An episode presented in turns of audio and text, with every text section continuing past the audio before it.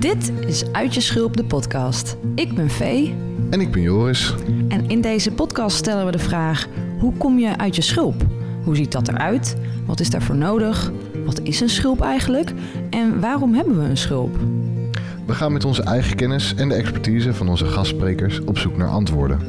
De thema's ontwikkeling, mentale gezondheid en connectie staan centraal in onze zoektocht. Deze podcast is zowel bedoeld voor mensen die zich pas net in zelfontwikkeling beginnen te verdiepen, als mensen die al meer bekend zijn met het onderwerp. Het is voor iedereen die zich soms een beetje vast voelt zitten, die graag wil groeien, die zich afvraagt waarom ze zijn zoals ze zijn en of dat ook anders kan en zo ja, hoe je dat doet. Pak een drankje en schuif lekker aan. Laten we beginnen.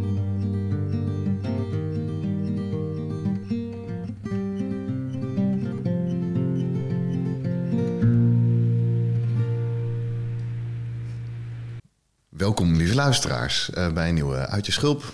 Um, ik ben hier weer met uh, Vee en Hoi. vandaag met uh, Alexander Fielden. Hi. Voor mij Alex of Lex soms. Um, en ik zal kort een beetje iets vertellen over onze historie. Alex en ik hebben elkaar leren kennen toen we allebei in een hele fijne kledingwinkel werkten in Utrecht. Chris van de, van de eigenaar Chris. Een heel mooie uh, kleine boutique. Waar we uh, veel gesprek hebben gevoerd over kunst en uh, het leven en vrouwen. En. jongetjeswereld. Ja. um, ik leerde Alex daar ook kennen als iemand die mij toen al vertelde. En toen was ik denk een jaar of 20, 21 of zo dat hij af en toe met zichzelf aan tafel ging zitten en dan uh, gesprekken had met alle kanten van zichzelf. En uh, toen begreep ik dat nog niet helemaal. Dat drong later pas tot me door wat hij daarmee bedoelde. Um, hij doet ook werk. Hij uh, werkt met zijn handen. hij maakt dingen van leer. vooral schoenen. Dat was zijn, dat was zijn oorspronkelijke leest. en er zijn dingen bijgekomen. als je wil mag je daar van alles over vertellen. Je kan hem ook opzoeken kan je dat allemaal zien uh, op het uh, wereldwijde web. Uh, we zullen wat linkjes toevoegen.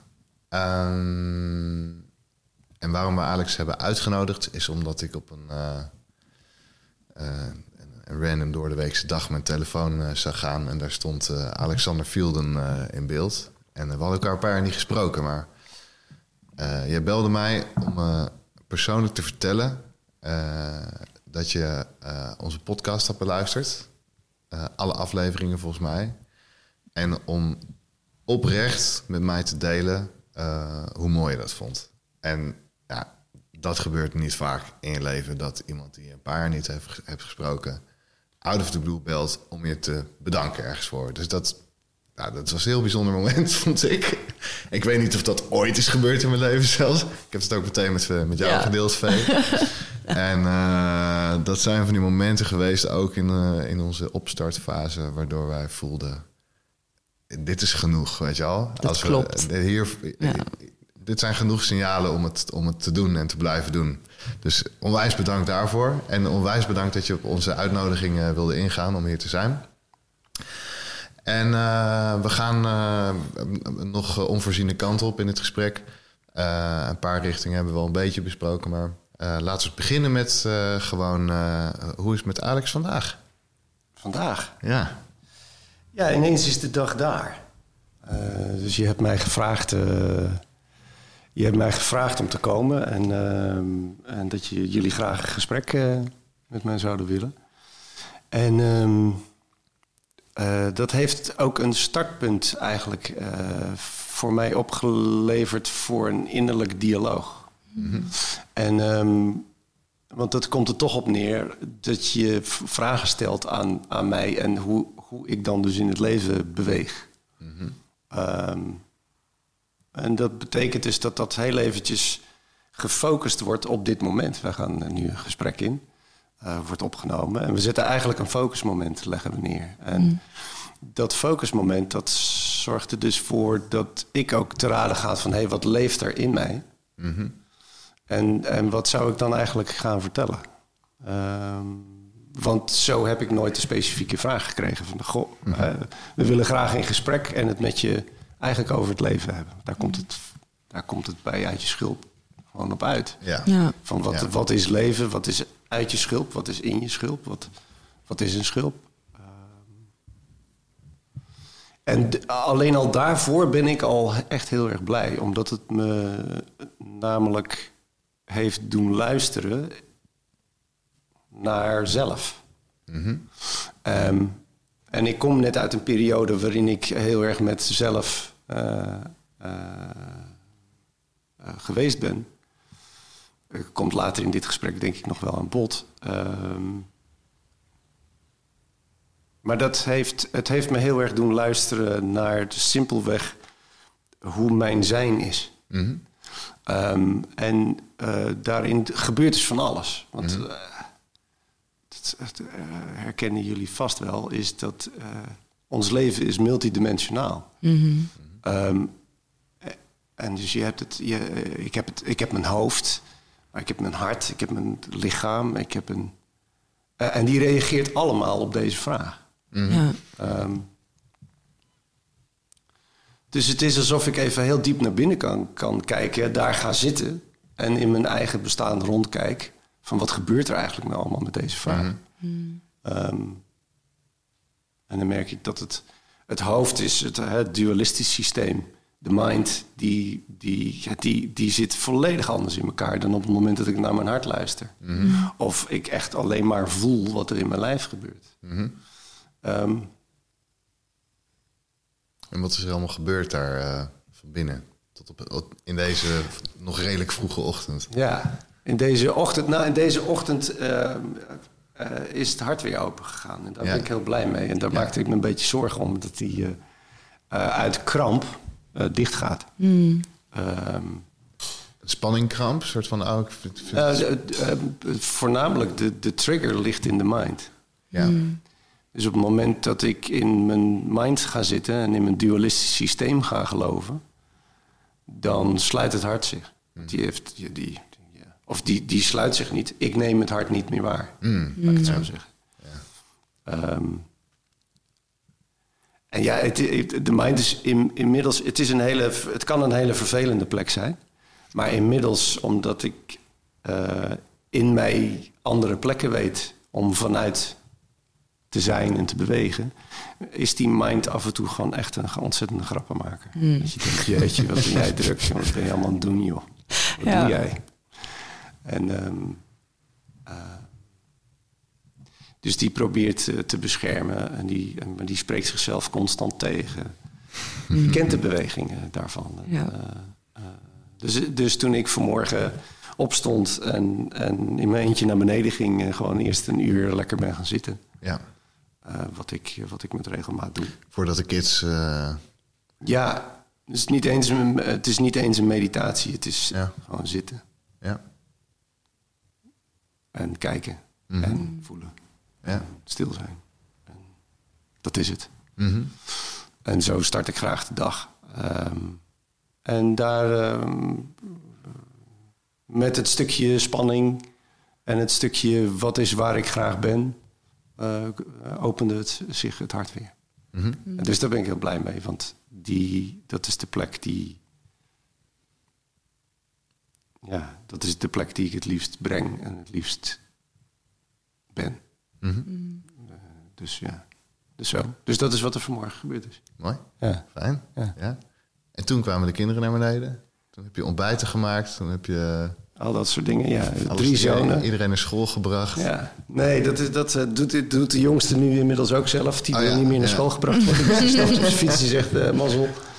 Zoek het uit, ouwe. We mogen het brood nog even voor hem smeren. En, eh, en het ontbijt voor hem klaarmaken. Dat dan weer gaat wel, hij. ja, ja, ja. Nee, ik, heb, ik heb drie jongens. Eh een van 16, 14 en, eh, en 10. En eh, die van 16 die lag nog lekker uit te slapen. En die van eh 14 die... die, eh, die, ja, die gaat gewoon ook zijn eigen weg. Dus die Ja. smeert zijn brood, die stapt op de fiets en die zegt... eh en daarna gaat hij. ja, voluit, voluit 14. ja. ja. Is een eh, feestje ook. ja. Komt tegen de krip. Raak me niet aan. Ja. Geen knuffels meer van papa en mama. Nee, alleen als het hem uitkomt. en, en groot gelijk heeft hij. Het is goed. Nou, ehm, een van de dingen die ik heel mooi vond in toen wij contact met jou hadden opgenomen over dus het doen van deze podcast. En daar heb je het al een klein beetje over gehad. Ehm, een van de dingen die jij zei, of die mij bijstond, en dan weet ik niet of ik het woord voor woord nog kan herinneren. Maar in elk geval dat ja, je had een hele merkbare reactie uh, op onze vraag. En die had met je hart te maken. Ja. Uh, dus inderdaad, die bewustzijn van, het bewustzijn van je hart, dat die dan open staat. Uh, en dus ook wat je nu vertelt over dat je s ochtends dan gaat zitten en dan gewoon gaat zijn. en, en dus die bewustzijn, bewustzijn van je hart. Ik vind dat een heel mooi iets. Is dat ook iets wat jou leidt? Hoe jij je beslissingen bijvoorbeeld. Maar het voelde een beetje alsof dat iets is wat terugkomt in jou, ja. hoe jij beslissingen maakt. Ja. Uh, die bewustzijn van, van hoe jouw hart reageert op iets. Ja. Kan je daar iets over zeggen? Um, uh, even kijken, waar zal ik beginnen? De, de, kijk, bij de vraag... Uh, wil je met ons, laten we zeggen, een interview doen? Mm -hmm. En vind bijvoorbeeld, jullie hebben het vaak over gesprek. En dat is ook wat het voor mij is. Dus gesprek is voor mij van het hart. Mm -hmm. Een interview is van het hoofd. Mm -hmm.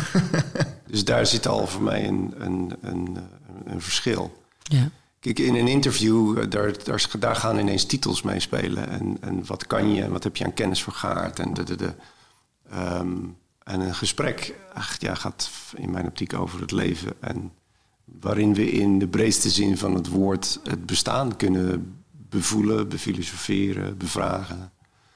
Um, en uh, kunnen we zelfs al onze rollen gewoon hier naast ons neerleggen.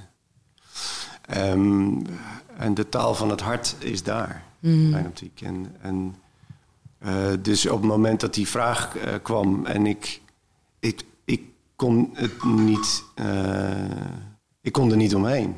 Het was heel simpel, de vraag werd gesteld en die kwam via mijn oren binnen, maar mijn hart ging open. En dat is niet iets wat ik doe, dat is mm. iets wat gebeurt.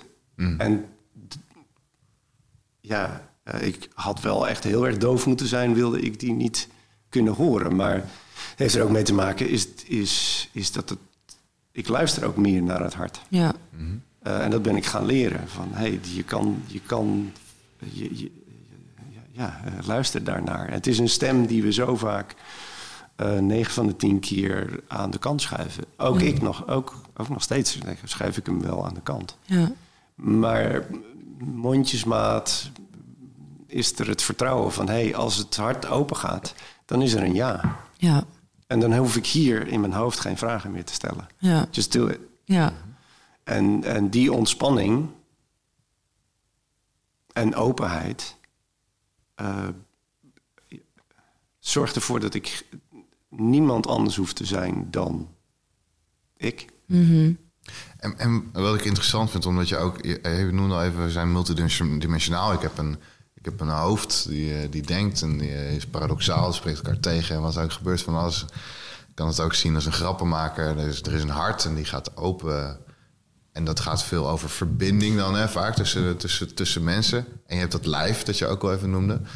En, en uh, is, het, is het dan zo dat in jouw werk dat vooral jouw lijf daar is, omdat je iets met je handen doet? Of gaat het ook is daar ook een verbinding met het hart? Je, en het hoofd misschien? Hoe kan je daar iets vertellen? Ik ben daar wel benieuwd ja. naar. Ja, ik, uh, de, de kracht van creëren. Ja. Uh, en en dat, dat doe ik inderdaad met mijn handen. Mm -hmm. Die is, dat is gewoon een gegeven. Daar, daar mm. kan ik op een of andere manier niet omheen. Um, als ik... Ik heb winterhanden. Um, wat betekent dat? Winterhanden betekent is dat de doorbloeding in mijn handen... Uh, die, in de bloedvaten zitten wat vernauwingen. Ja. Dus je kan soms uh, dode plekken krijgen. Ja. Dus met dit, de omslag van dit weer... nu beginnen mijn handen dus weer koud te worden. Oh ja.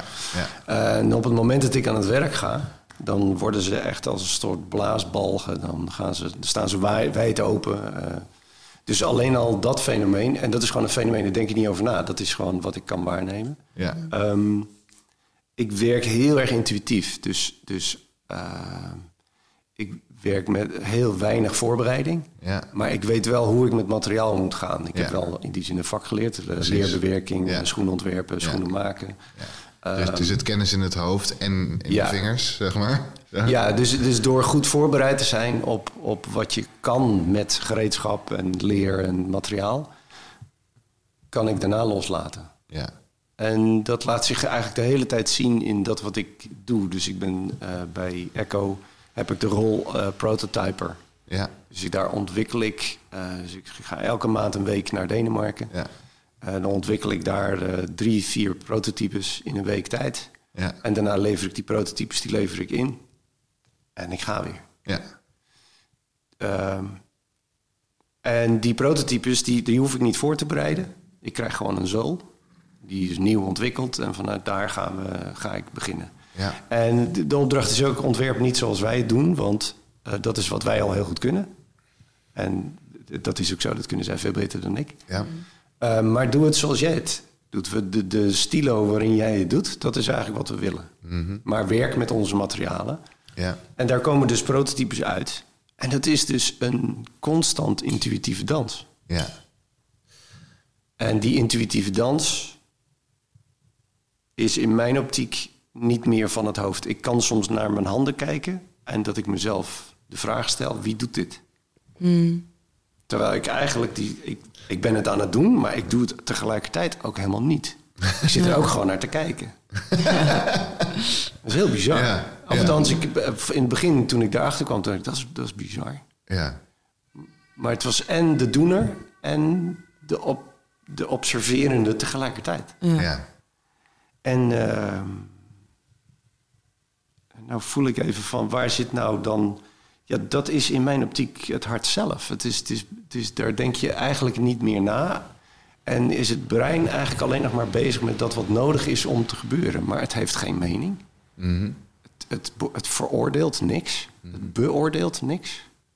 Ja, op basis van, oh, word ik hier blij van, ja of nee? Ja, nee. Nou, dit, is, dit is niet goed, dat is wel goed. Maar het is heel, een soort heel bazaal wordt het. En daarin ervaar ik gewoon een hele grote vrijheid.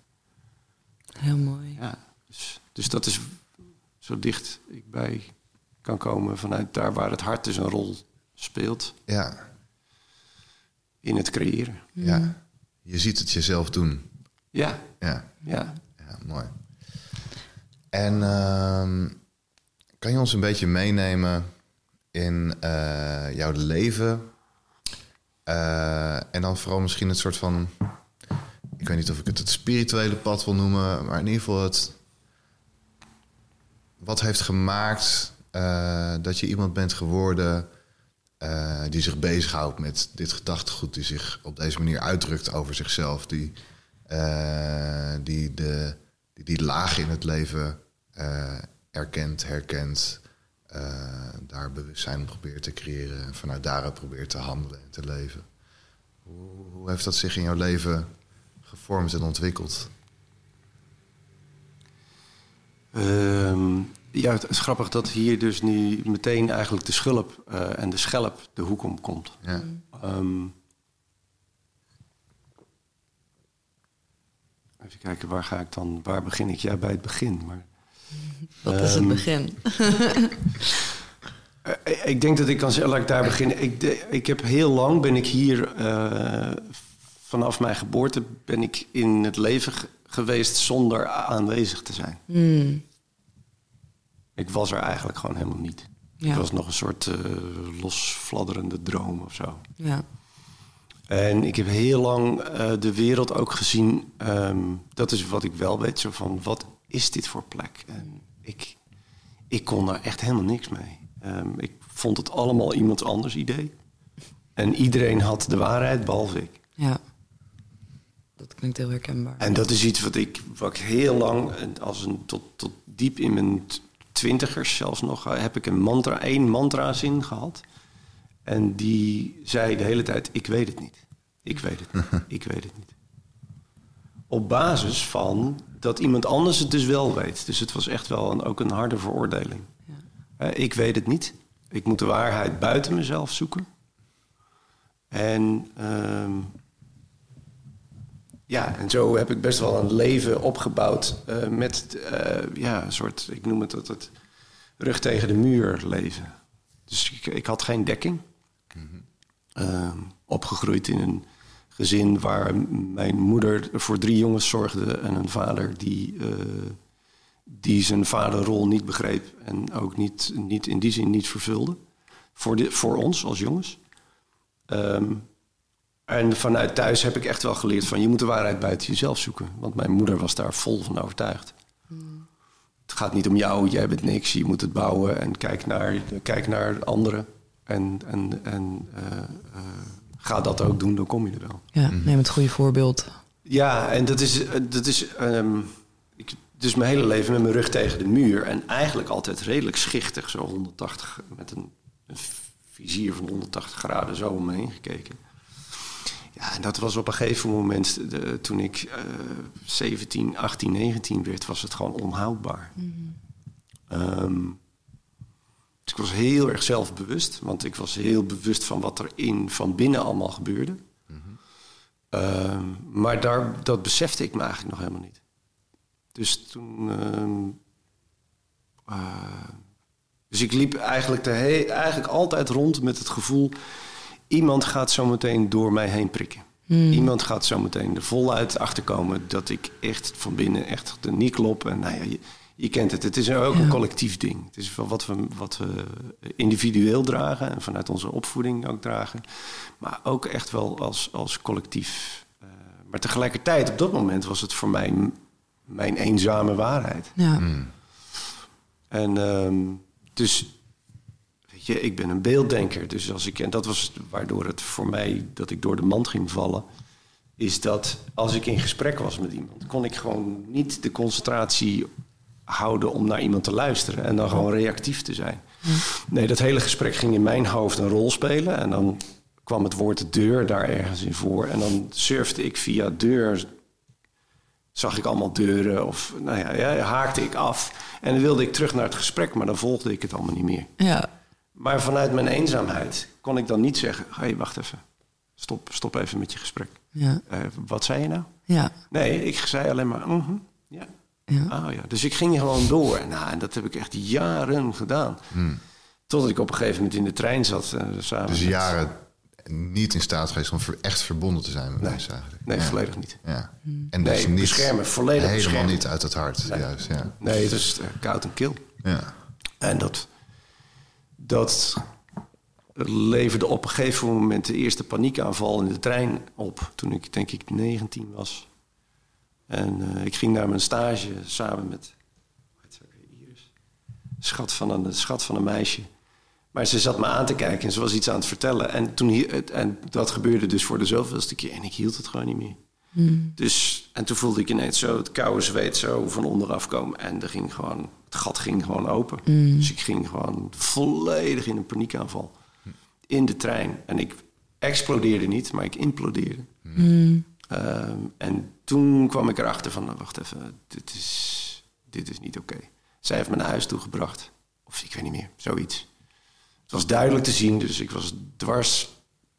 Ik was, eh, Het was niet meer te verbloemen. het was niet meer te verbloemen. Ja. En, en tot de grote redding. Ja. Ehm, hier komt ook de schulp weer de hoek om. Dus dat, de schulp werd te klein. En de, de, de druk en de pijn werd ondraaglijk. En dat is de enige manier om, om weer tot een nieuwe werkelijkheid te komen en tot een nieuwe ruimte te komen. En ehm,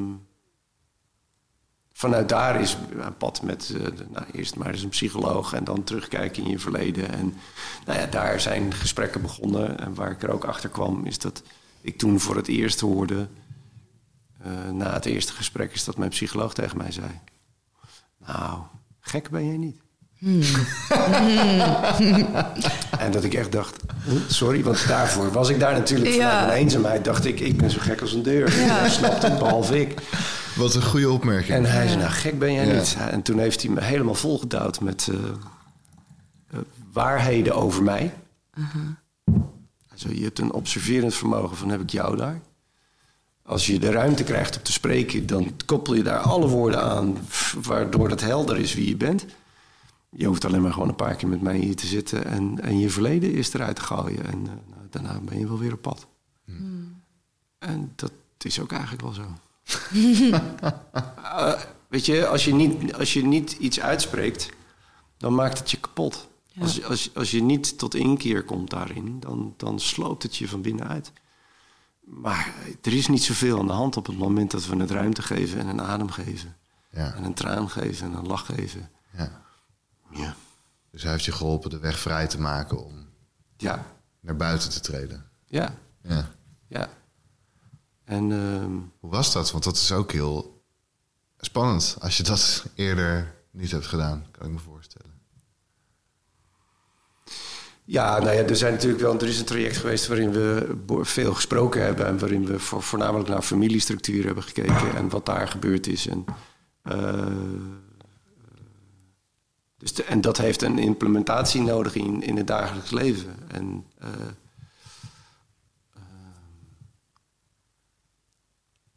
ja. Ja, dat is wat ik erover kan. Ja, vandaag, vandaag ga je weer verder. Ja, ja moet ik het zeggen. nee, het heeft me. Het heeft me uh, uh, het heeft me zelf bewust gemaakt. Ik zie het daar op het boek staan en dat is ook zo. Zelf het heeft me zelf bewuster gemaakt. Ja. En dat is een ongoing proces. Ja. Dat, is, dat, dat houdt dat tot op de dag van vandaag houdt dat ja. eigenlijk niet op. Ja.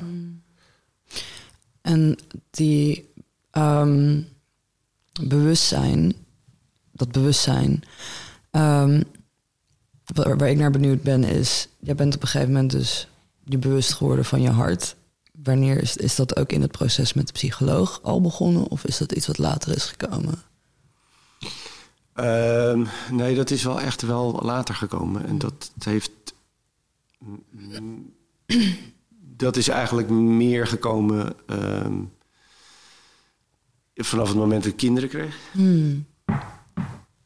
Uh, om te voelen wat het is om onvoorwaardelijke liefde te voelen. Dat is, de, de, de, is onontkoombaar met, met het, het, het ontvangen van kinderen. Hmm. Uh, om niet meer voor mezelf op te staan. Klinkt heel zwaar, maar dat, dat is het niet. Maar om op te staan voor een ander leven. Hmm. Ja ja, daar, het is de taal van het is volle, volle taal van het hart. Dus, ja. dus daar laat het hart zich zien. Maar uh, om te leven met het hart open. En met je fontanel open en je voeten op de grond. Uh, en in contact te zijn met hemel en aarde. Uh, dat, is het, ja, dat is een pad wat ik, wat ik eigenlijk ben gaan lopen sinds ik goede oude vriend van mij ben tegengekomen, eh, inmiddels zo'n 15 jaar geleden. En zijn uh, vader uh, gaf zweethutten hier in Nederland, in, in Stoutenburg. En hij zei, heb je wel eens van de zweethut gehoord? Ik zei, nee, heb ik nooit van gehoord. Hij zei, oké, ik heb wel het, zoals ik je ken, in, in die korte tijd heb ik het idee dat je dat wel echt interessant vindt. Dus dat, daar ben ik naartoe gegaan. Mhm. En uh, om uh, kort uit te leggen, de zweethut is een ceremonie uh, die je over de hele wereld wel in de geschiedenis terugvindt. Um, allemaal verschillende uitvoeringen. Um, degene die, daar, um, die we daar doen is gebaseerd op de Noord-Amerikaanse Indianen de Lakota. En de, de zweethut is een beetje een soort van ordinaire naam, omdat je daar gaat zweten. Maar ja, dat is, het, is, het is nogal meer dan dat. En uh, de zweethut wordt ook wel een Inipi-ceremonie genoemd. En Inipi is, betekent het huis van de adem. Dus in de zweethut uh, is een staketsel uh, waar ehm, voor een vuurput is. En in die vuurput worden stenen heet gemaakt in een groot vuur. Uh, de mensen die gaan de zweet het in die afgedekt is. Dat staketsel wordt afgedekt met dekens. De mensen gaan in een kring om de vuurput zitten. Dus de hete stenen worden naar binnen gedragen. En de, vuur, de watergieter Die, eh, dan gaat de deur dicht en de watergieter eh, leidt de ceremonie en giet water over de stenen. En het werkt dus als een reinigingsritueel voor, voor je lichaam, voor je geest, eh, voor, je, voor je zijn.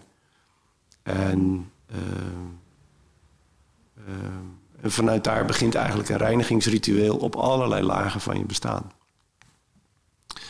En de inipi die staat voor de, voor de baarmoeder. De baarmoeder waarin je dus eigenlijk naakt terugkeert. Om je met de bron te verenigen. En weer te herinneren wie je bent voordat je was. Voordat je geboren werd. En dat je dus bij de bron en vanuit de bron, hè, dat- dus je, je komt weer in aanraking met de bron, de hete stenen. En vanuit daar beweeg je weer opnieuw de baarmoeder uit.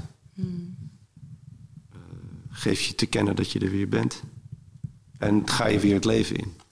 En eh, het heet Huis van de Adem, omdat je daar weer leert te ademen.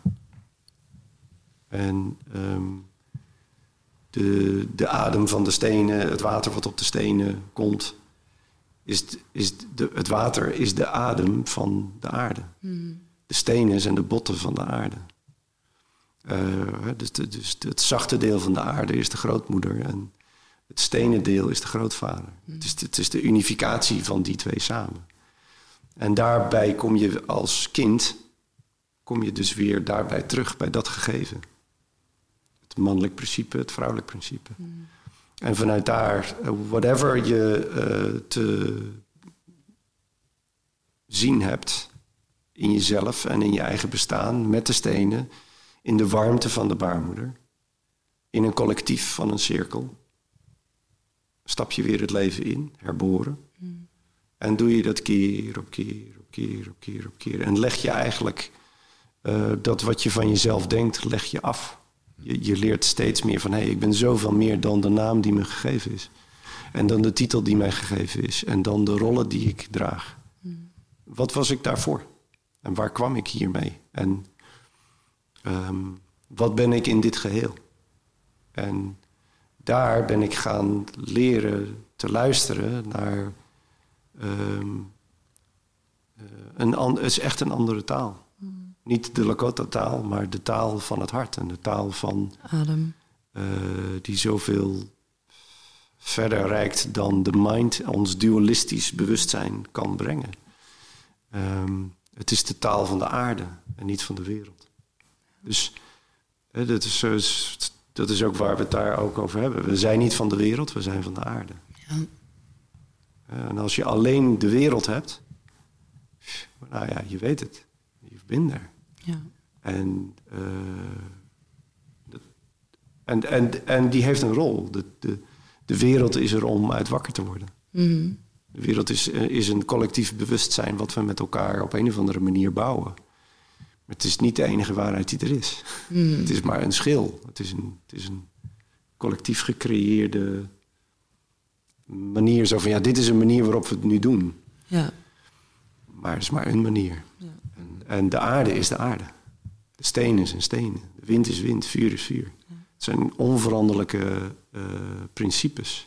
Ja. En die elementen zitten ook in ons, in bijvoorbeeld adem is adem. Dat is ook, Yes. dat, dat zijn Ja. van die onveranderlijke Ja. elementen en manieren waarop je weer in contact kan komen met, Ja, met diezelfde een, eenheid. Ja, Mooi. ja, precies. Dus de adem, weet je, het is het eerste wat je doet. Ja, In, dit menselijk, in deze menselijke hoedanigheid. ja.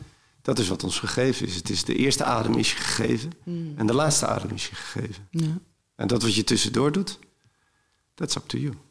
ja. mooi. En als, je, als we weten te ademen, ga maar eens ademen op het allermoeilijkste moment. Mm. De, de parels regenen. Ja. We weten allemaal op het moment dat je in crisis bent en je je eerste ademhaling in die crisis weet te vangen en te voelen en je tranen durft te- eh, daarin te ontspannen, dan, dan regent het waarheid ineens. Want we hoeven niet meer bang te zijn er naar te kijken. Ja. we hebben onze ademhaling. En met die ademhaling zeg je eigenlijk, ik ben hier. Mm. Ja, je, je aardt je eigenlijk door, door te ademen. Ja. Ja. Ja. Heel mooi. Ja. Ja. En, en om dat dus in een bedding te doen, zoals we het doen op Stoutenburg, Mhm. is een bedding van elkaar. Dat Ja. wat we doen, doen we samen. Ja. Ja. En, en daarin zit dus een gemeenschappelijkheid, waarin we en de mogelijkheid hebben om heel diep naar binnen te bewegen, in een gezamenlijkheid. En dat we allemaal van elkaar weten dat ieder het, laten we zeggen, de moeite neemt, de, het werk doet om naar binnen te gaan. Ja. Om naar binnen te gaan. En eh, de verantwoordelijkheid te nemen voor zelf, voor, Ja. voor je eigen bestaan. Om te leren geen schuld meer te geven aan anderen. Ja. Dus dat is een, gemeenschappelijkheid met eh, andere regels dan in de wereld. Ja, de, de wereld is gestoeld, zoals ik het grotendeels zie, is op me en my. Mhm. En dat is de, de, de, het hoofd ten top. Ja. En je zegt ook in deze gemeenschappelijkheid is de focus en de verantwoordelijkheid op jezelf. Ja. Maar er is ook iets anders aan. Dus het is een ander, ander zelf dan het me en zo. Want er is wel een gemeenschappelijkheid waarin je eh, iets met elkaar deelt en hebt afgesproken. Een ander gevoel van samen zijn. Kan je, kan je dat omschrijven? Kan je daar woorden aan geven? Kan je, Mhm. Kan je dat proberen te vangen? Ja, nou ja, ik, ik, ik denk dat sowieso al eerder dat, dat hij al eerder ehm, heeft ge- een onderscheid heeft gemaakt tussen de wereld en de aarde. Ja. En dat er in wat er gebeurt in de eh, huis van de adem, is dat hoe het heet? Ja. Eh, dat daar eerder eh, de aarde aanwezig is Ja. dan de wereld. En dus ook de manier waarop daar dus het collectief en de menselijkheid be- be- bewoond wordt of be, ge- gezijn wordt. Ja. Heb je daar een woord voor? Ehm, ja, like, want dat is niet echt een doen of zo. Het is eerder een zijn. En, en dat, dat dat eerder overeenkomt met het aardse en niet met het wereldse. Aha. Maar dat is meer hoe ik het interpreteer. Ja, en ik ben benieuwd hoe, eh, hoe vanuit het aardse leven gemeenschappelijkheid wordt ervaren en voelt. Wat, je dan, Wat het verschil wat je dan bent met elkaar. Ja, Ja. wat het verschil is. Ehm, nou, een, een van de dingen die merkbaar zijn is. ehm, ehm, in, de, in, de, in de wereld zie ik dat eh, we als, als mensheid heel erg eh, proberen de controle. zijn we gewend om controle te nemen. Mhm. We doen het zo, dan gaan we regels opstellen, dan gaan we vormgeven, dan gaan we daarheen en dan hebben we dat als gemeenschappelijk doel en dan gaan we daar. eh. Ja, oké. Ehm, maar waar komt dat doel vandaan? Wat is, wat is precies, wa- wat is waar we heen willen? We, de, de, de, de mens is, is een grote denker. Maar daar ligt soms in mijn optiek precies het probleem. Ja. Ehm, wat ik zie is een wereld die niet meer in contact staat met de aarde. Dus het is het hart kwijt. En eh, dus het, in mijn optiek is het heel veel wetenschap, heel veel rationaliteit, heel veel controle, heel veel maakbaarheid.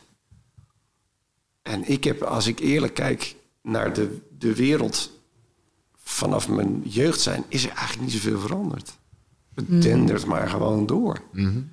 Ehm, en dat is ook waarom ik tot op de dag van vandaag met één voet in de wereld sta en met één voet daar echt buiten. Ja, ik, ik vertrouw mezelf daar ook niet.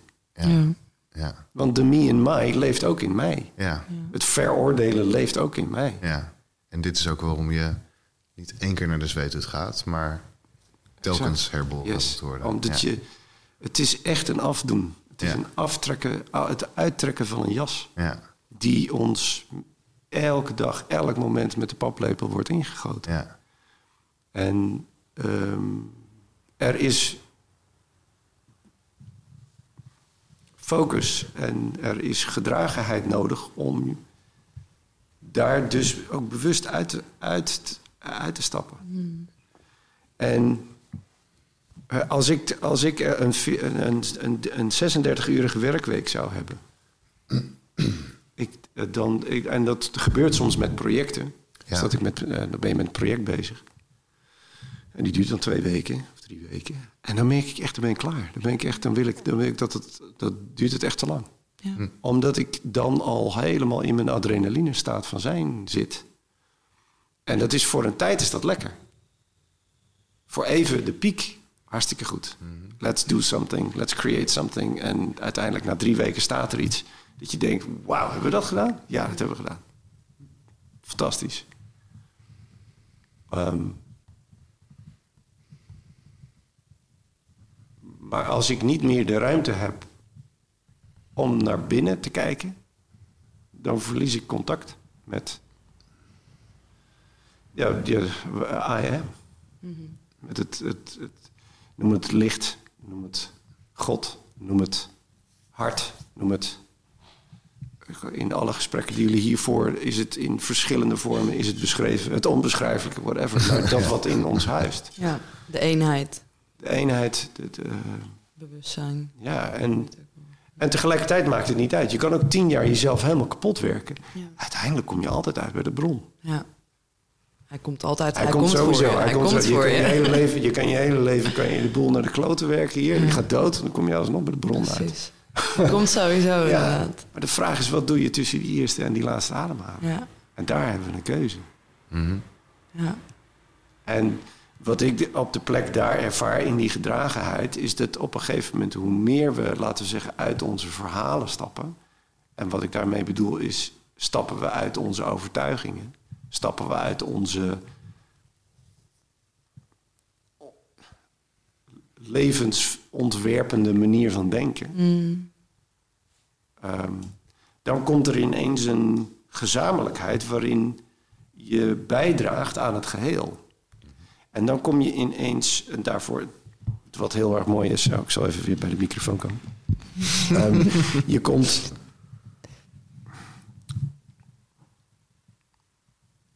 De gedragenheid ligt in de ceremonie. Dus de ceremonie gaat op een bepaalde manier. Er zit een structuur in. Ja. Het voordeel van structuur is, is dat je, als je die structuur eenmaal weet, Mhm. voelt, dan kan je loslaten. Ja. Kan je vertrouwen. En dan kom je in een staat van zijn uit, met elkaar. En dan zie je dat er ineens een vanzelfheid ontstaat. En een volledige gedragenheid. Ja. Ja. En daarin bewegen we ineens met elkaar in een volledig aanwezige, tijdloze staat van zijn, waarin, we, waarin je in verbinding met alles leeft. Ja.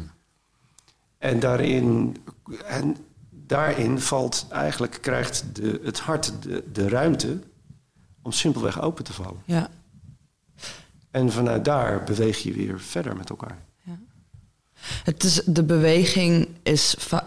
Ik heb vaak het idee dat we als mensen, als, als hoofdgerichte mensen, vaak het gevoel hebben van dat er een bepaalde complexiteit moet zijn om het leven goed te leven of te begrijpen of wat dan ook. Terwijl eigenlijk het is vaak een versimpeling. Het is juist vaak een, iets wat wegvalt in plaats van iets wat erbij moet. Ja. Het is vaak juist iets ontleren in plaats van ik moet allemaal dingen aanleren of ik moet allemaal dingen structureren of Ja. voorschrijven. Terwijl vaak juist hoe simpeler, hoe minder, hoe meer je terugkomt dus bij de bron en dus bij, bij de meest logische manier van, van zijn. Of dus ook de meest Ja. simpele manier van verbinden. Het zit hem dus ook in die eenvoud. Ja, Row, row, row your boat gently down the stream.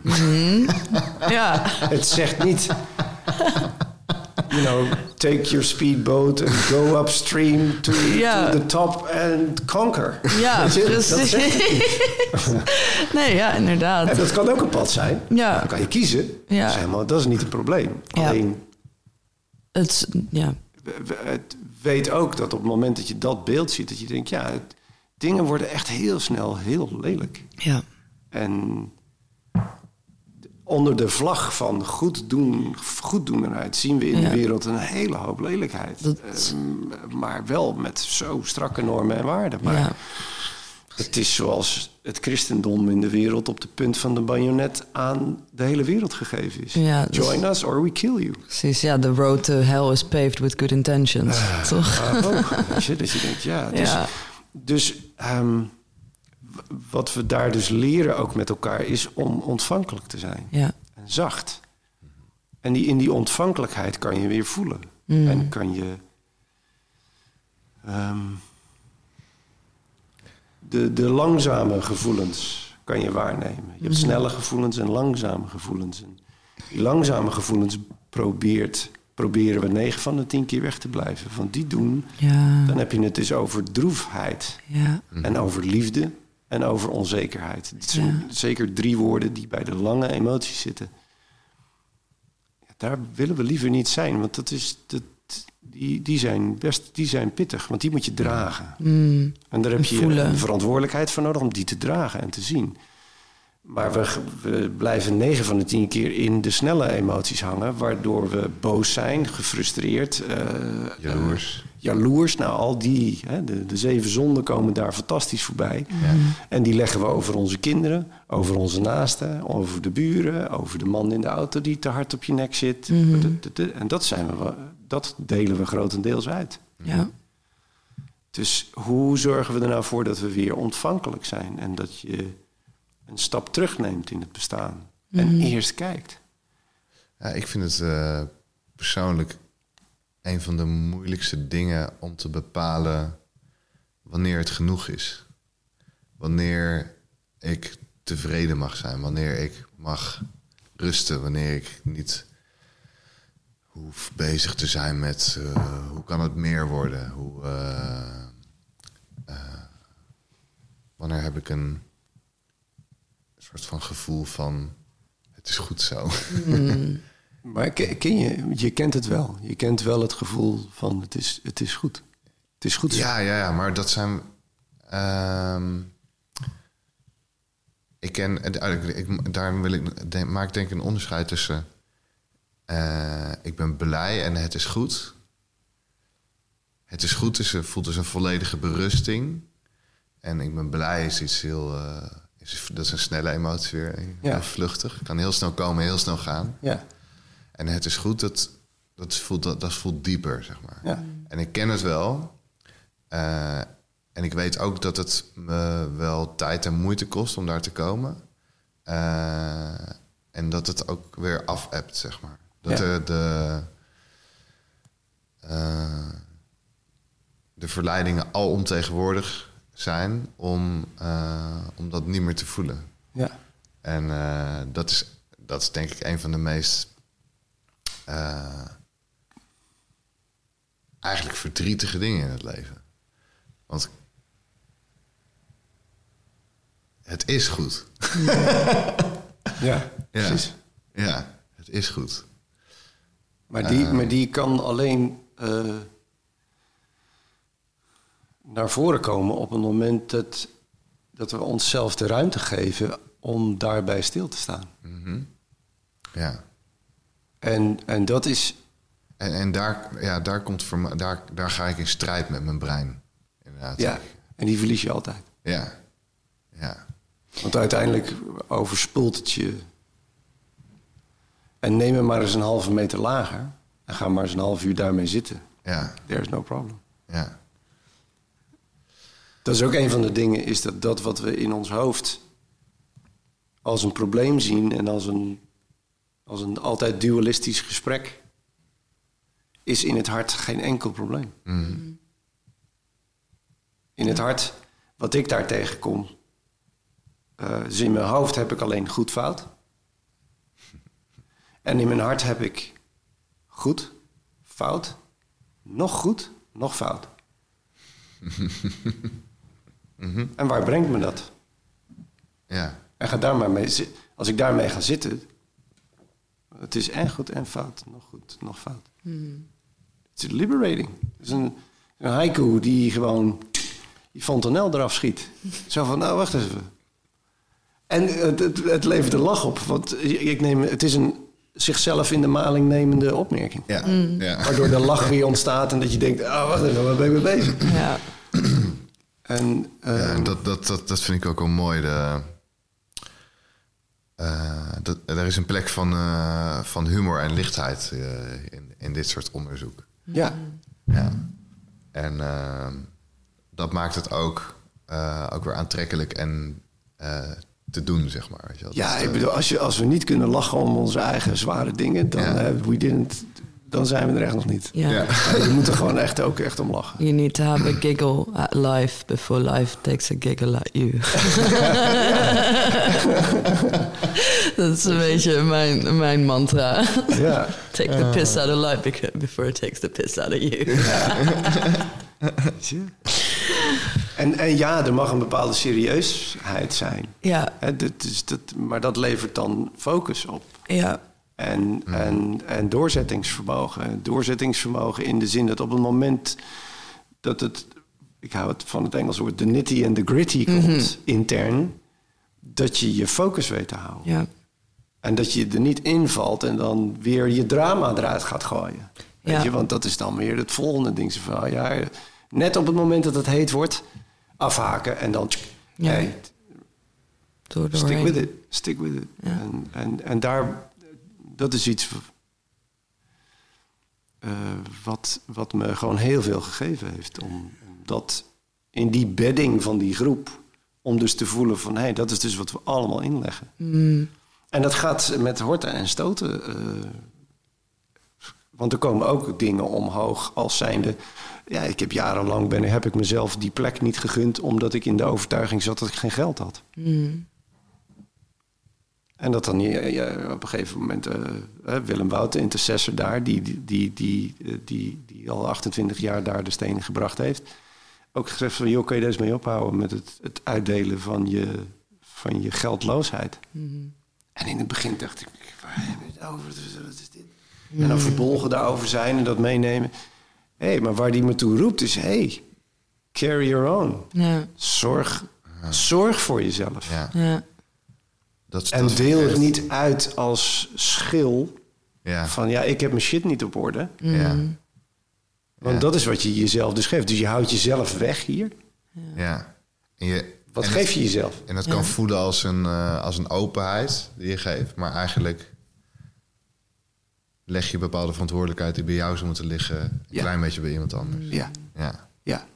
En daar zit, en dat is wat ik bedoel met drama. Ja. Dus, we- de- dus daar leven we ons drama uit. ja. ja, hoe lang gaan we ons drama nog uitleven? Mhm. En het is heel fijn om op een plek te zijn, waar dan ook. Is, ik, ik had daar laatst met mijn broer over. Dus ik van, vind, eh, vind je tribe. Vind een plek, wat het ook is. Vind een plek waar je gemeenschappelijkheid tegenkomt... en waar je onderdeel kan zijn in een, in een geheel, in een groep. En, en dat kan de kerk zijn, dat kan, eh, dat kan de zweetit zijn, maar dat kan tantra, whatever. Of dat kan hier met elkaar, met deze club mensen die jullie aan het, aan het creëren zijn. Is het- maar dat er een gemeenschappelijkheid ontstaat. Want 9 van de 10 keer hebben we het over dezelfde dingen. ja. ja. Repeteren we dezelfde menselijke drama's. ja. Nou ja, de vraag is dus hoe, kom je, hoe, hoe zorg je dat, dat je dat je daar verantwoordelijkheid voor neemt en een beslissing maakt van hey, oh, that's my drama. Oké, dankjewel. Fijn dat je me probeert te helpen nog en probeert te beschermen. Ik snap je systeem. Ja, maar kom maar. Hier heb je een kopje thee. Maar ik ga die kant op. Ja. Want Ja. Het is goed. Kom maar naast me zitten. Ja, jij we je hebt gaan. volgens mij ook ergens een keer al eerder gezegd van ja, het is niet meer de stem die je, die je kan volgen. Ja. ja, je moet inderdaad de. eh, ja, hoe zeg je dat? De angstige stem of de stem die inderdaad eh, dat, dat niet vertrouwen heeft of zo. Ja. Eh, want dat is het uiteindelijk. Dat drama wat zichzelf dan merkbaar maakt. Ja. Meestal is dat vanuit een angst, een angstige overtuiging of een angstig Ja. iets. Eh, en, en wat je dan het beste kan doen is inderdaad gewoon zeggen van oké, dat het is oké dat je bang bent en we gaan het alsnog doen. Juist. Ondanks dat Ja. jij daar zo bang voor bent. Ja. Want je hoeft... Je, je gaat zien dat het niet nodig is. En ik- ja. Ja, en zo, zo, leer je bijvoorbeeld eh, weet je, dat, om, eh, om weerstand te vertrouwen. Hmm, Of angst te vertrouwen als een, als een raadgever. ja. Eh, in plaats van daarbij weg te blijven en dat als een groot, groot boos ding te zijn. Nee, Ja. Oh, wacht even, hier heb ik weerstand. Oké, niet leuk. Ja. Oké. Ik had eh, de laatste keer met eh, mijn jongste zoon. Het nadeel van de jongste zoon, waar ook nog zes jaar tussen zit, tussen de tweede, is dat is een valkuil van mij, maar als ons, als ouders, is dat die jongste het snelste soort mee moet. Hup, chop chop, want we zijn al gewend om twee oudere jongens te hebben. Ja. En daarmee kan die eh, soms niet meer gewoon tien zijn. Ja. Ehm, en eh, we zitten gisteren, eh, gisteren, eergisteravond zitten we aan tafel. En eigenlijk is die aandacht aan het vragen. Maar ik ben in gesprek met iemand, dus hij zit te porren en te prikken. En ik wijs hem af. Ik zeg, hé, hey, hou er eens mee op. Maar dat is al een, een opeenstapeling van een aantal dingen die al Ja. eh, gebeurden. Dus en op een gegeven moment toen hoorde ik hem zeggen... ik ga douchen. En toen wist ik al... dat is niet oké. En toen ging Marilene die ging achter me aan. Ze hebben bo- boven hebben ze een gesprek. En ik was klaar met het gesprek eh, eh, wat ik had. En eh, ik ga naar boven en ik eh, schaar me erbij. En eh, hij vertelt uiteindelijk is dat hij zegt: Ja, er zijn een aantal dingen gaande die ik gewoon niet meer, die, die ik heel moeilijk vind om tegen je te zeggen. En hij heeft dus hulp aan zijn moeder gevraagd om dat te doen. Ehm, en dat is dan, en dat hebben, heb ik, hebben we vaker meegemaakt, is dat kinderen op een gegeven moment zich gaan uitspreken over dit soort dingen. En bij mij komt er altijd een moment van weerstand. Want ik weet, nou, dit is, dit is waarheid wat je gaat krijgen. Want een kind Ja. heeft niet anders dan dat. Ja. Dus hij zegt van, joh, ja, er is één ding wat ik echt heel vervelend vind. Is dat je schopt altijd mijn schoenen uit de kamer naar mij toe. Dat is wat ik doe. Dat doe ik de laatste maanden. Dus ik, ik had het al niet eens meer door. En het is een frustratie. Ik leef met vijf mensen, leef ik in, in huis. En het is eh, de, overtuiging dat, het, dat we het allemaal opgeruimd moeten hebben. En die kristalliseert zich dus in dat ik die frustratie niet inneem. En hem als een tienjarige jongen zie. En hem voorga en zeg: hey, wil je even je schoenen oppakken? Pak ik ook mijn schoenen op? Of maak er een gebbetje van of een lolletje en neem hem mee. Nee, het is een frustratie geworden waarin ik dus heel, eigenlijk heel lelijk word. En dus al weken zijn schoenen naar hem toe En dat is dus mijn, mijn communicatie geworden.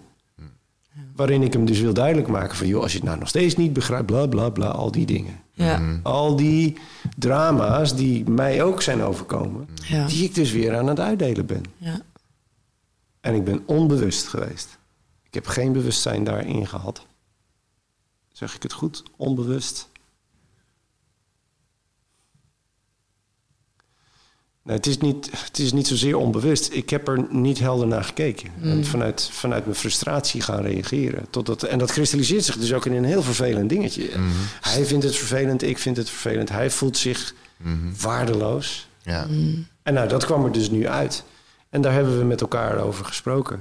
ja. En ehm, En één klein zinnetje in een bepaalde toon, hoe jij het net zei, ik ga douchen, is voldoende om dit hele verhaal waarschijnlijk in je helder te krijgen. Ja. Of is dat niet zo? ja, Ja. ja, Dan ineens dat is waar dus de valt, valt de ontvankelijkheid... sluier van het toneel, zeg maar, en zie je wat er, eh, Ja. wat er achter het coulisse gebeurt. Ja, en het is ook de eerste opmerking... Hij heeft er namelijk nooit iets over gezegd. Dit was de eerste opmerking die zo... Hij onttrok zich uit de groep. Ja. En wat ik waarneem is zijn droefheid. Ja. Het was de lange emotie. Ja. En die prikt door alles heen. Ja. Ja. En die kon ik horen. Toen dacht ik, hé, oké. En, en we hadden het net al over weerstand. Want waarom kwamen we hier ook weer? Dat weet niemand. Oh ja, gaat over weerstand. Nee, wel, jawel. Het ging over, we hadden het over, over die Dat weerstand. alleen de oplettende luisteraars. Oplettende luisteraar, alstublieft. Waar zijn we? Hallo? Bel, eh, bel alsjeblieft even. Uit de toekomst. Ja, uit de toekomst. Laat wat weten in de, in de comments. Ehm, eh, ik, ik, heb, ik heb in ieder geval een lijn waar ik heel graag op, op zou willen verder vragen. Ook gezien de tijd. Ik weet niet of jij nog iets hebt waar je... eh, we kunnen I'm ook, eh, happy. I'm happy. I'm flowing.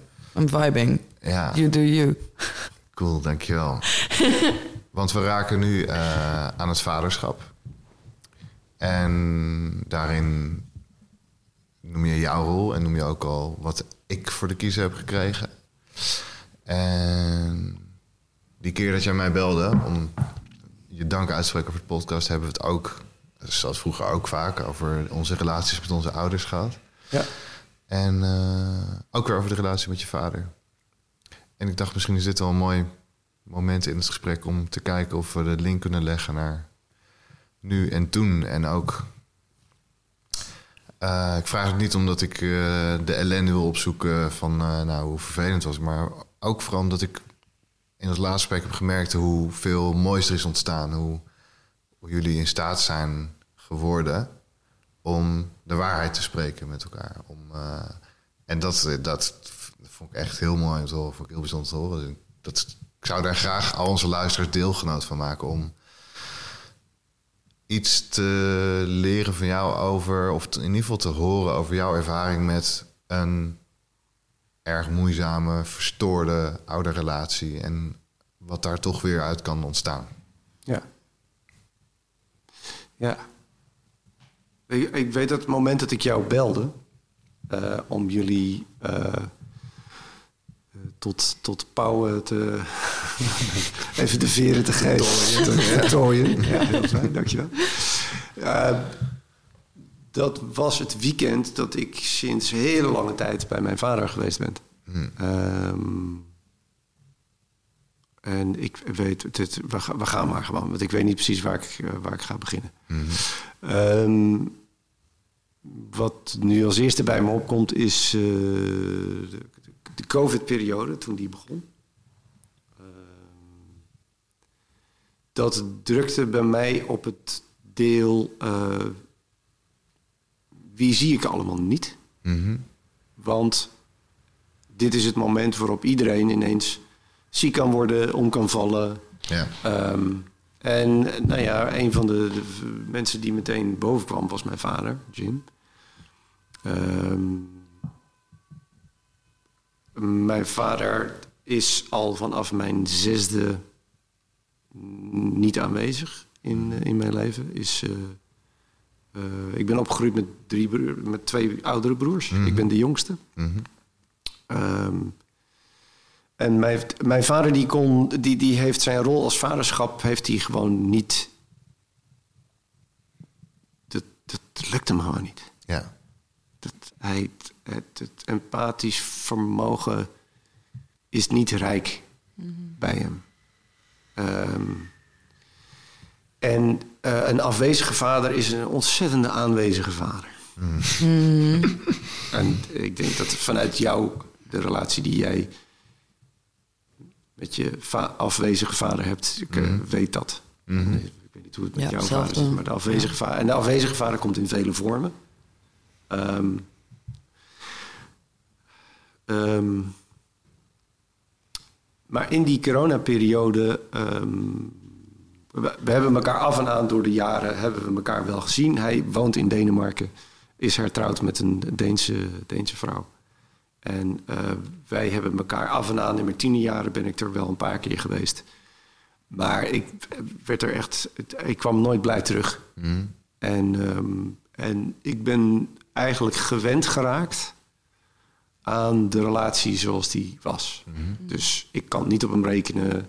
Eh, hij maar komt zijn afspraken niet na. Ehm, hij is ver weg. Hij keert altijd terug. Nou, eh, herhaling van al die dingen. En Ehm, hoe, hoe voelde dat van binnen?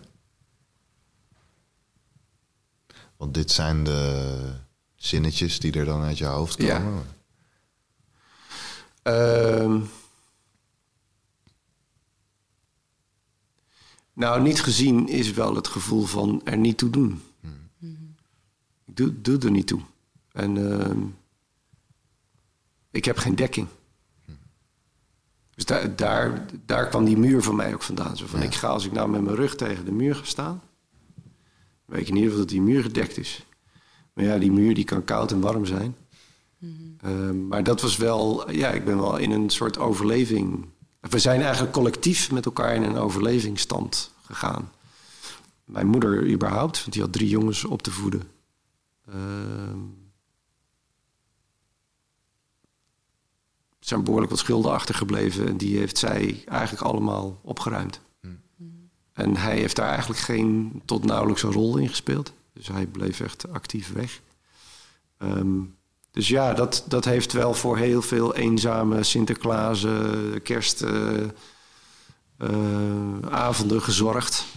Ehm, een boze middelste broer, die hem altijd op het matje riep. En zei, hey, what you doing?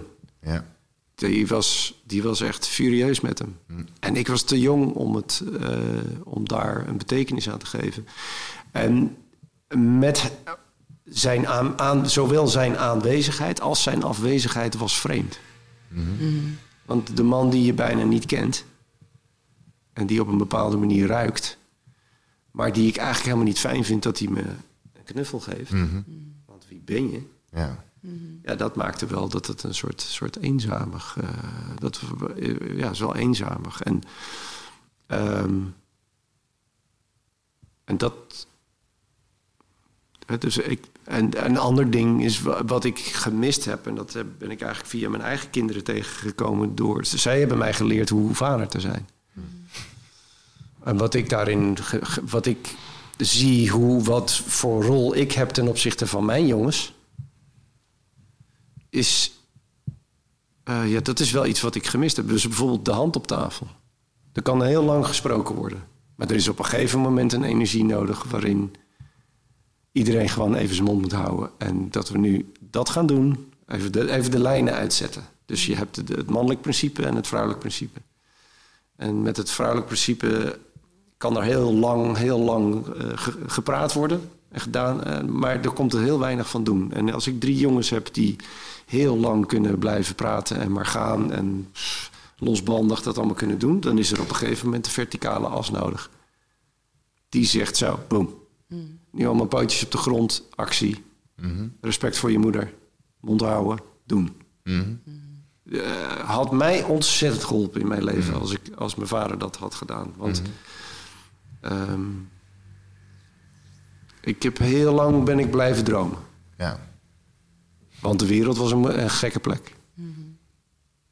Ehm, dus door schade en schande geleerd om met één been in de wereld en één been uit de wereld te staan. Ja. Het was fijn geweest om mijn vader te hebben die zegt: hey, kom even bij. Als je dat nou even zo, zo aanpakt, knipoogje, klaar, ga je gang. Ja. Dus dat is wel iets wat ik, eh, wat ik ook gemist heb. Ehm, en de dans met de, de- het eeuwig verwijt is een afschuwelijke dans. Is, is, is altijd intern, altijd verwijtend, altijd. eh, maar ja, je wil van die braakbal af.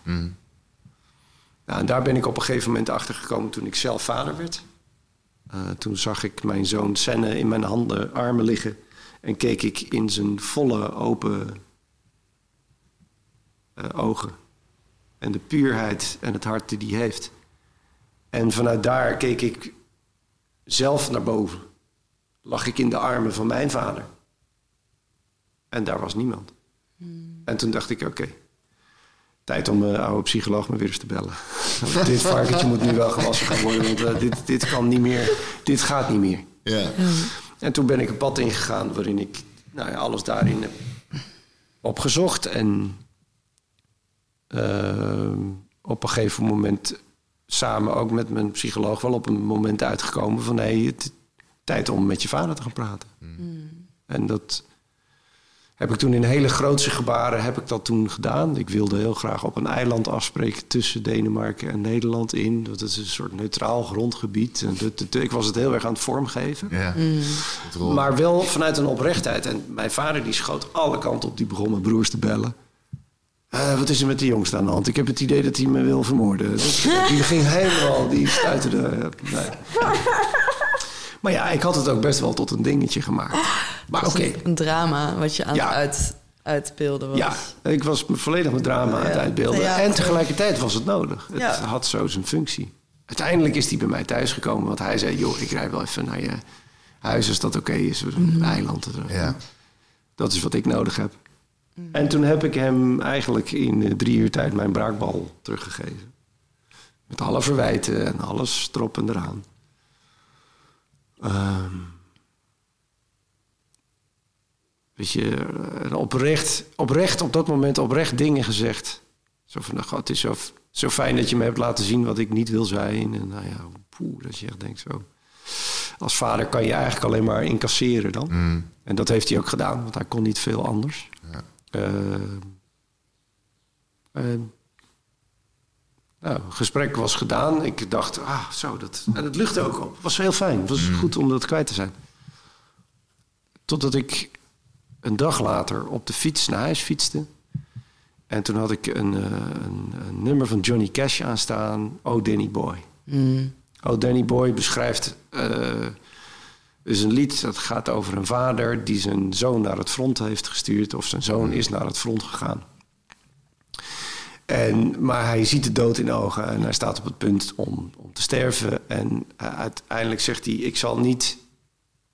Ik, ik wacht in mijn graf tot het moment dat jij bij mijn graf knielt en zegt dat je van me houdt. En dan zal ik pas loslaten, dan zal ik pas eh, gaan. En ik lazerde van mijn fiets af. Mm. Want ik kwam tot de ontdekking. ehm, dat ik alleen maar een braakbal aan hem heb teruggegeven. Maar we zijn geen steek verder. Ja. En hij kan eigenlijk alleen maar ontvangen. Hij kan alleen maar weer het, het schuldkleed aantrekken. Ja. En voor mij, ik weet niet of dat hij dat op die manier als een Johnny Cash ooit voelt. Maar daar gaat het niet om. Het was het beeld wat ik had. Wat de rol van de zoon is ten opzichte van de vader. ja. Wauw. En ik ben van mening dat door deze ervaring. Ik kom erachter dat het aan het kind is Ja. om los te laten. Ja. Om, en er is niks te vergeven, maar Precies. te vergeven. Om te vergeven, het- om te zeggen, hé, hey, het is, het is oké. Tegelijkertijd ben je daar pas klaar voor als je daar klaar voor bent. Ja. Eerder niet. En in die COVID-periode ehm, bleef ik maar aan hem denken. Zo van, ja, stel nou dat nou dan het telefoontje komt. Als ik niks doe, dan komt er een telefoontje van zijn vrouw. Die is eh 10, 15 jaar jonger. Dus ik ga er even vanuit dat zij dan nog leeft en hij niet. En dan komt dat telefoontje en die zegt... eh, ja, nou, hij is er niet meer. Ja. Nou, daar zakte mijn broek echt gewoon letterlijk vanuit. Daar moest ik ook om lachen. Dat ik denk, nou, Alexander, come on man. Tijd om daar ook wat mee te doen. Dus toen, voordat ik het wist, ik had het niet echt gepland. Voordat ik het wist, had ik hem ineens aan de telefoon. Ik heb me gewoon een keer gebeld. En dit is, ja, COVID-periode, dus dat is twee jaar. En we raakten, aan de, we raakten in gesprek met elkaar. En er viel mij meteen iets op. Is zit een beetje in dezelfde lijn als de opmerking die waargenomen kan worden als Kobe zegt: Ik ga naar de douche. Ja. Er zat een kilheid in. Nee, ja, Of nee, maar er zit, een, er zit in mij zit een. eh, dat kan ik ineens horen. Ah, joh, Zoals ja. ik in het gesprek met mijn vader Ja. kon voelen. Hé, wacht eens even. Mijn lichaam is helemaal ontspannen. Ik zit met mijn vader te praten, wat normaal altijd wat hartkloppingen geeft. eh, mijn hoofd aanzet. Eh, door allerlei brillen kijkt van bevestiging van zie je wel, doet hij het weer. Oh, hij, hij praat weer heel hard. Maar ik had hem drie jaar niet gesproken en ik ben helemaal ontspannen op de bank. Oh, ik moet wel bij de microfoon blijven. Dankjewel. Eh, dus ik, dus ik ervaar dat mijn lichaam helemaal ontspannen is. En ik blijf daar naar luisteren. En wat gebeurt er? Dat hele gesprek breekt open. Ja. Hij ontspant. Ik ontspan. We lachen samen. En ik denk, wat is dit joh? Hoor ik dit nou gewoon, eh, gewoon observeren? Hoor ik dit nou echt anders? Ja, ik hoor dit anders. Dus ik hoor in hard praten, hoor ik... Ja, hij luistert graag naar zichzelf. Ja, hij kan moeilijk luisteren. Maar ik hoor ook enthousiasme. Hé, hey, dat is een nieuwe. Het is enthousiasme. Hij, hij, wil, hij wil delen. Hij heeft zijn zoon aan de telefoon. Oké. Ehm, en of het nou waar is of niet, daar gaat het nog niet eens om. Het gaat erom is dat er bij mij een verandering plaatsvindt... waardoor de boel ineens helemaal ontspannen wordt. En ik kon dus ook niet meer achterhalen... waar ik hem nou ook alweer de schuld van zou moeten geven. Ik denk, ja, we zijn alle twee volwassen mannen geworden. Maar ik denk nog belangrijker is, is het contact met het lichaam. Er is iets zodanig niet meer aanwezig, is dat het lichaam hoeft zichzelf niet meer mij in een beschermende positie te brengen. Want ik sta niet meer met mijn rug tegen de muur. Ja. I own my life. Ja. Het is van mij, het is van niemand anders. En kan ik weer opnieuw luisteren. Nou, vanuit daar hingen we op. Dus we hebben gezegd, we willen elkaar graag zien. Komt, gaan we doen. En toen belde hij, nou, direct belde hij terug. En toen begon hij voluit in het Nederlands. Hij zei, ja, ik wil nog even weten hoe mijn Nederlands is. Hij, heeft een, hij, is, hij is een Brit. Ehm, dus het is een heel mooi, heerlijk Nederlands-Engels accent. Ehm, en dat gaf mij ook weer aan van... hé, hey, kijk eens, hij... Dan belt hij dus ineens terug. Dus er is iets wat... Wat is daar dan veranderd? nou, en dat ben ik gaan... Dat heb ik ook weer meegenomen. Dus ik ben naar Denemarken gegaan voor mijn werk. Ik had daar twee projecten lopen. Eén met een design school en de ander was voor, de, voor het bedrijf waar ik voor ontwerp. En heb toen een, ben een weekend daar naartoe gegaan. Vrijdag daar naartoe gereden. En eh, zondag weer terug. Ja, ik heb een prima gouden tijd gehad. En ehm, daarin ja, echt andere gesprekken gevoerd. Dus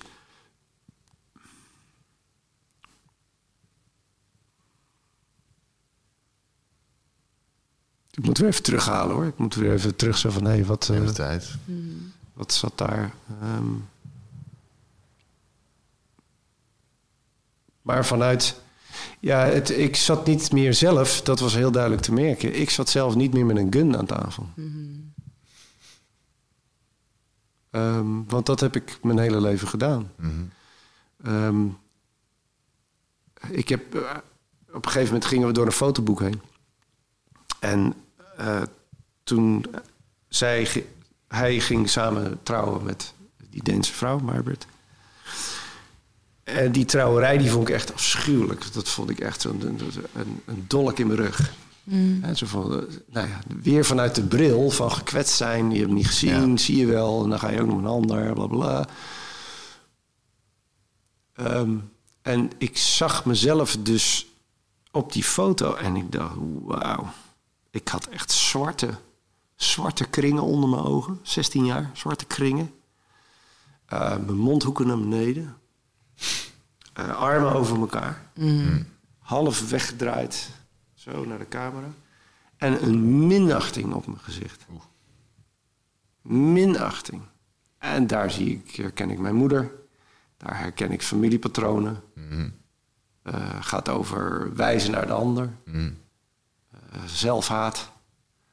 En ik zat er naar te kijken en denk, wauw. En ik draaide die foto om en die liet ik mijn vader zien. En toen zei ik, dus dit is waar jij jarenlang tegen aangekeken hebt. Als ik hier over de vloer kwam. En toen bleef hij me alleen maar aankijken. En hij zei niks. En hij gaf precies de reactie die jij nu ook geeft. Want dat was het stille verdriet die hij bij zich droeg. Van ik kan geen kant op. Hoe, wat ik ook doe. En ik, zal het, ik doe het altijd. Ik ben de zondebok. Ja. En die nam ik terug. Zo van, hé, hey, wauw, daar heb je dus mee te maken gehad. En eh, ja, hij is geen mens-mens. Ja, hij zal Ik denk als ik nu niet bel, zal de telefoon weer een jaar niet gaan, whatever. Maar dat is niet waar het over gaat.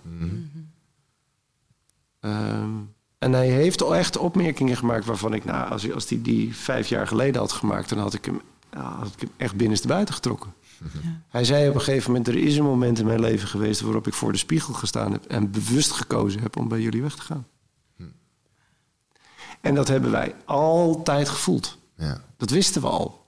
Alleen het was de olifant in de kamer, weet je, waar niemand het over, over wilde hebben. Ja.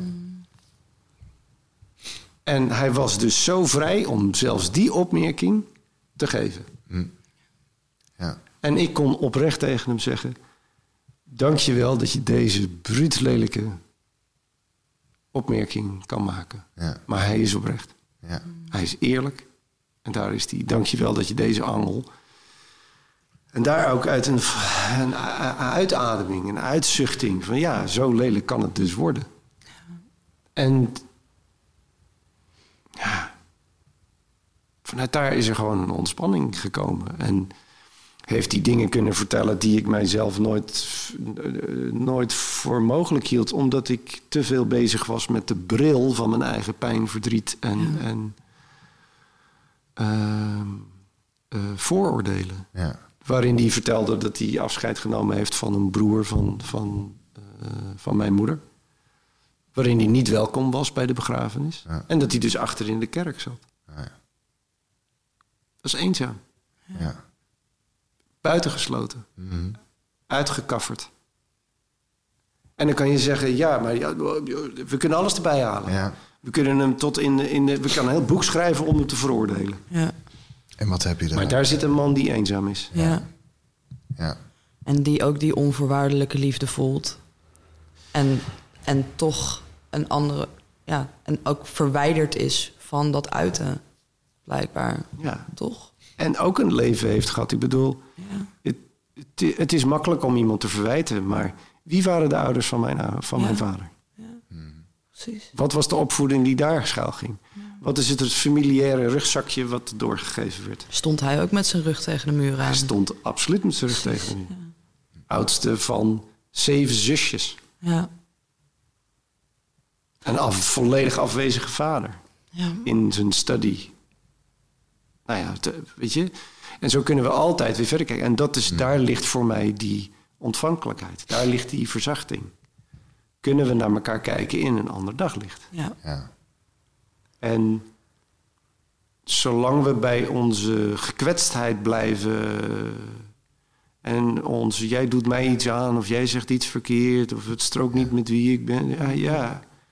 Nou, Get dat- real. En, en, en word daaruit wakker alsjeblieft. Want Ja. wat is de lelijkheid die je uitdeelt in de wereld? Precies. Waar kijkt iemand tegenaan? Ja. Exact. Ja. Ja. En weet je,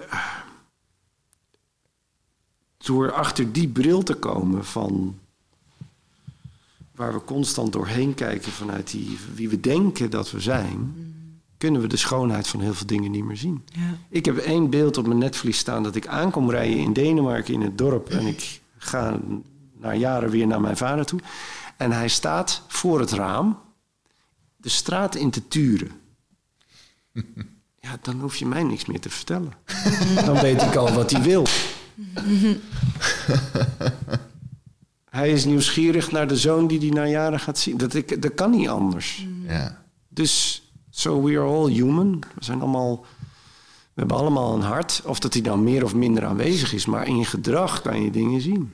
Mhm. Als ik weer oprecht durf te kijken. Ja, en ook die, de langzame emoties zullen zichzelf altijd, altijd laten zien. Ook Ja. in zo'n in, in een klein zinnetje of in een gebaar of inderdaad in een, een manier van kijken. Ja.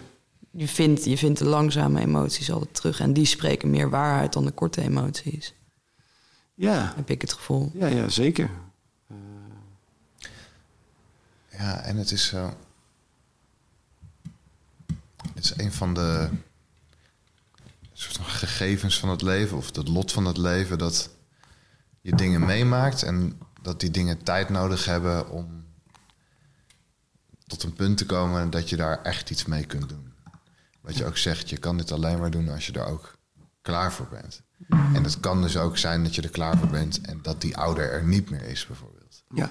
Eh, of het kan zijn dat je er klaar voor bent, maar, dat die ouder er nog niet klaar voor is. Ja. Of dat je kind er nog niet klaar voor is. Ja. Zo. Dus je moet op enig punt allebei op dat punt zijn. Dat betekent dat een van de twee er al eerder was op dat punt. En al heeft gewacht en heeft moeten wachten. Eh, want dat valt niet te forceren. Eh, en daarom vind ik het zo eigenlijk ook intens mooi dat het bij elkaar komt uiteindelijk. Weet je. Dat je nog de kans hebt om, om bij elkaar te komen en die, Ja. eh, en die openheid te vinden. Ja. En ehm, het is denk ik ook een uitnodiging aan, aan onze luisteraars om, om te onderzoeken wat, je, wat jij nog te herstellen hebt in je leven. misschien. Ja. En eh, wanneer je denkt dat je daar klaar voor bent. En ehm, misschien is het wel een mooie brug naar een vraag, een afrondende vraag aan Alex over eh, als jij onze luisteraars daar iets over zou willen meegeven. Van ehm, hoe ga ik dat proces aan? Hoe, hoe, hoe doe ik dat? Wat, wat, wat, wat zou je daarover willen zeggen? Welke,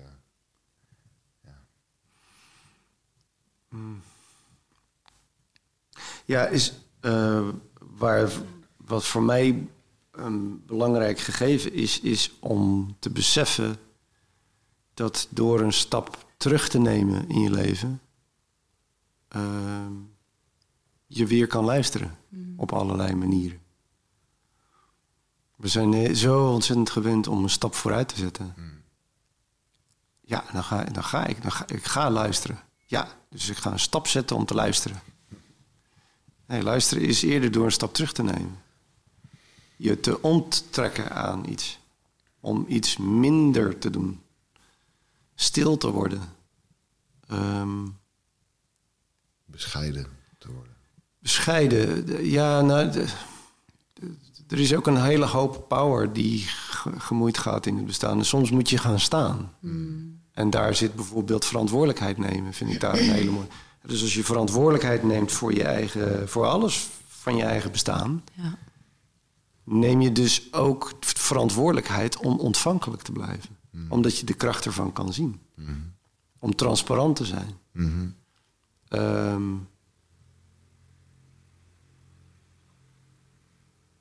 ja, en te beginnen bij jezelf. Voordat je, voordat je wijst naar wie dan ook.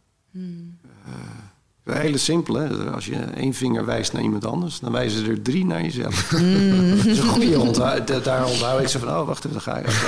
Eerst van de binnen. Een van de redenen waarom in mijn optiek, wat ik heel mooi met, met Marileen, mijn vrouw, ervaar, is, daar, is dat is de basis van onze relatie. Ja. Is liefde en eerst kijken naar zelf. Ja. Ehm,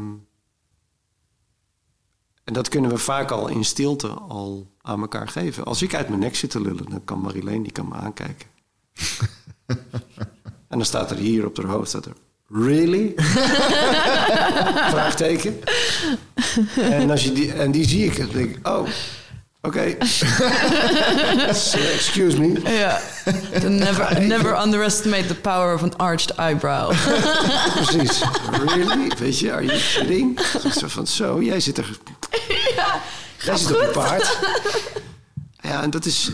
ehm, en, en zie maar, bijvoorbeeld het gesprek waar we het nu mee zijn... is, jullie komen uit ontvankelijk zijn. Waarom? Omdat je een vraag stelt. En nog een vraag. En nog een vraag. En eerder ja dan nee zegt. Het hoeft jouw waarheid niet te zijn. Maar je staat open om te luisteren. Hoe fijn, dat is ook een van de dingen, ik vind het heel fijn om voor iets gevraagd te worden. Omdat ik weet dat op het moment dat ik het zou initiëren, hm, misschien moet ik nog een keertje een ademhaling erop nemen. Want wat is de reden dat ik aan tafel wil zitten? Ja. Wil ik oreren? Wil ik laten zien wat ik allemaal weet? Of kan ik ontvankelijk blijven? En wat gebeurt er?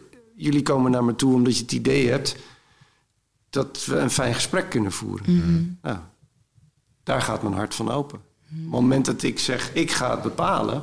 dan is niet mijn hart open, dan is mijn hoofd open. Die weer wil gaan bepalen. Ja. Wel, eh, ik weet weer onder, de, onder het motto van ik weet het allemaal. Want die heb ik, daar kom ik ook vandaan. Ja. En dan word ik heel pedant. Ik word heel nauw. Dan ga ik tegen mensen zeggen... nou, nee, je moet het... De, de Lakota-manier is die manier. Ja, forget about it. Ja. En de, de eerste jaren heb ik echt klappen van de zweep gehad daarop. Zo van, hey, Hi, eens even. Really? yeah, really?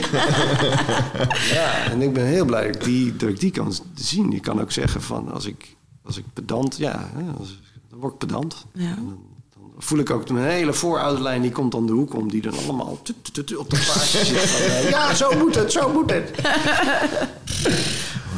Oh, lekker. Dus, dus ontvankelijk zijn. Ja, Ja. blijf ontvangen. Eerder luisteren dan, dan al naar iemand luisteren... en in je hoofd al een beeld vormen van wat je eigenlijk wil zeggen. Ja. Hoe vaak gebeurt dat als je met iemand praat? Ja. Ik kan aan iemands ogen zien van, oh, je zit al, je zit al op een spoor. Je, bent al, je luistert eigenlijk al niet meer. Want je bent al een beeld aan het vormen van dat wat je zo meteen wil gaan zeggen. Ja. En dat is af en toe eh, moeilijk. Dus ook daar merk ik ook van, oh ja, want ik merk dus dat dat dus een soort... Soms krijg je dan een vuist op je hart, op je borst. Zo, boem. Want mensen komen dan met ratio en verstand en mening en we moeten het zo. Ja, maar dat is allemaal wel heel zweverig wat je nou zegt. Terwijl wat ik hoor is, je luistert niet. Je luistert niet naar je eigen hart. En geeft dan je hoofd terug. Waardoor we weer in een boxje zitten en je weer gelijk hebt. Waardoor je denkt dat het goed is. Waardoor we scheef uitkomen. Dat ik, ja, eigenlijk hebben we elkaar helemaal niet gehoord. Ja. Dat, zou, dat merk ik wel, dat dat af en toe dat ik dat wel lastig Waar moest je aan denken? Veen en ik hebben gisteravond echt een intense discussie gehad. Ja. Dus eh, ja, even goed laten gaan. En wat heel fijn is, als je dat, want dat kan ook. Je kan er ook voor kiezen om dan te zeggen, nou, we duiken nu een meningsverhaal in. Fantastisch. En Ja, dan- we- Het was heel reactief. Het was geen eh, keuze. We drukten wel redelijk op wat knoppen. Ja, het, Was, het was echt achteraf dat je echt dacht van... waarom was dit ook weer nodig? Ja, ja, was dit nodig? Waar ging dit over? Wat, ja. Ja. Ja. Maar nou, dat, precies. En, en, en, en dat is dan eh, heel moeilijk om, om echt te voelen waar het over gaat. En Ja. omdat...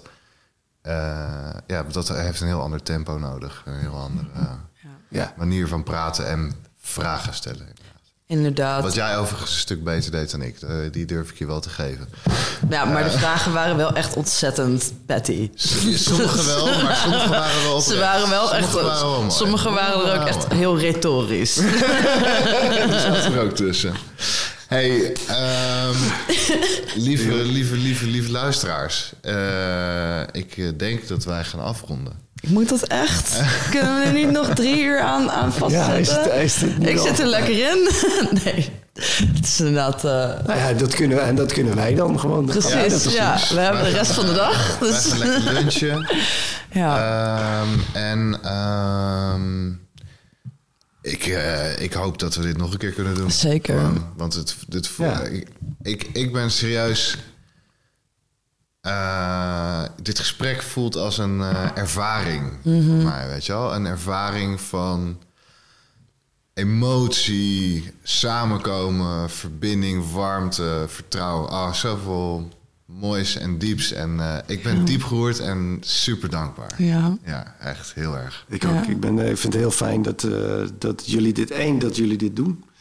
Eh, twee, de mensen die jullie aan de tafel brengen. Mhm. Ehm,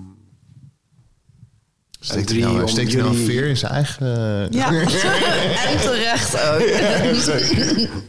ik vind het heel fijn om hier te kunnen, te kunnen delen en ehm, te- eh, simpelweg te zijn. Ja, Ja, heel, erg, heel erg bedankt dat je hier met ons wil zijn. Ja. Dat is echt heel, heel bijzonder, vind ik. Ik bedoel, we hebben veel gasten en zo, maar ja, ik vond het een heel bijzonder gesprek.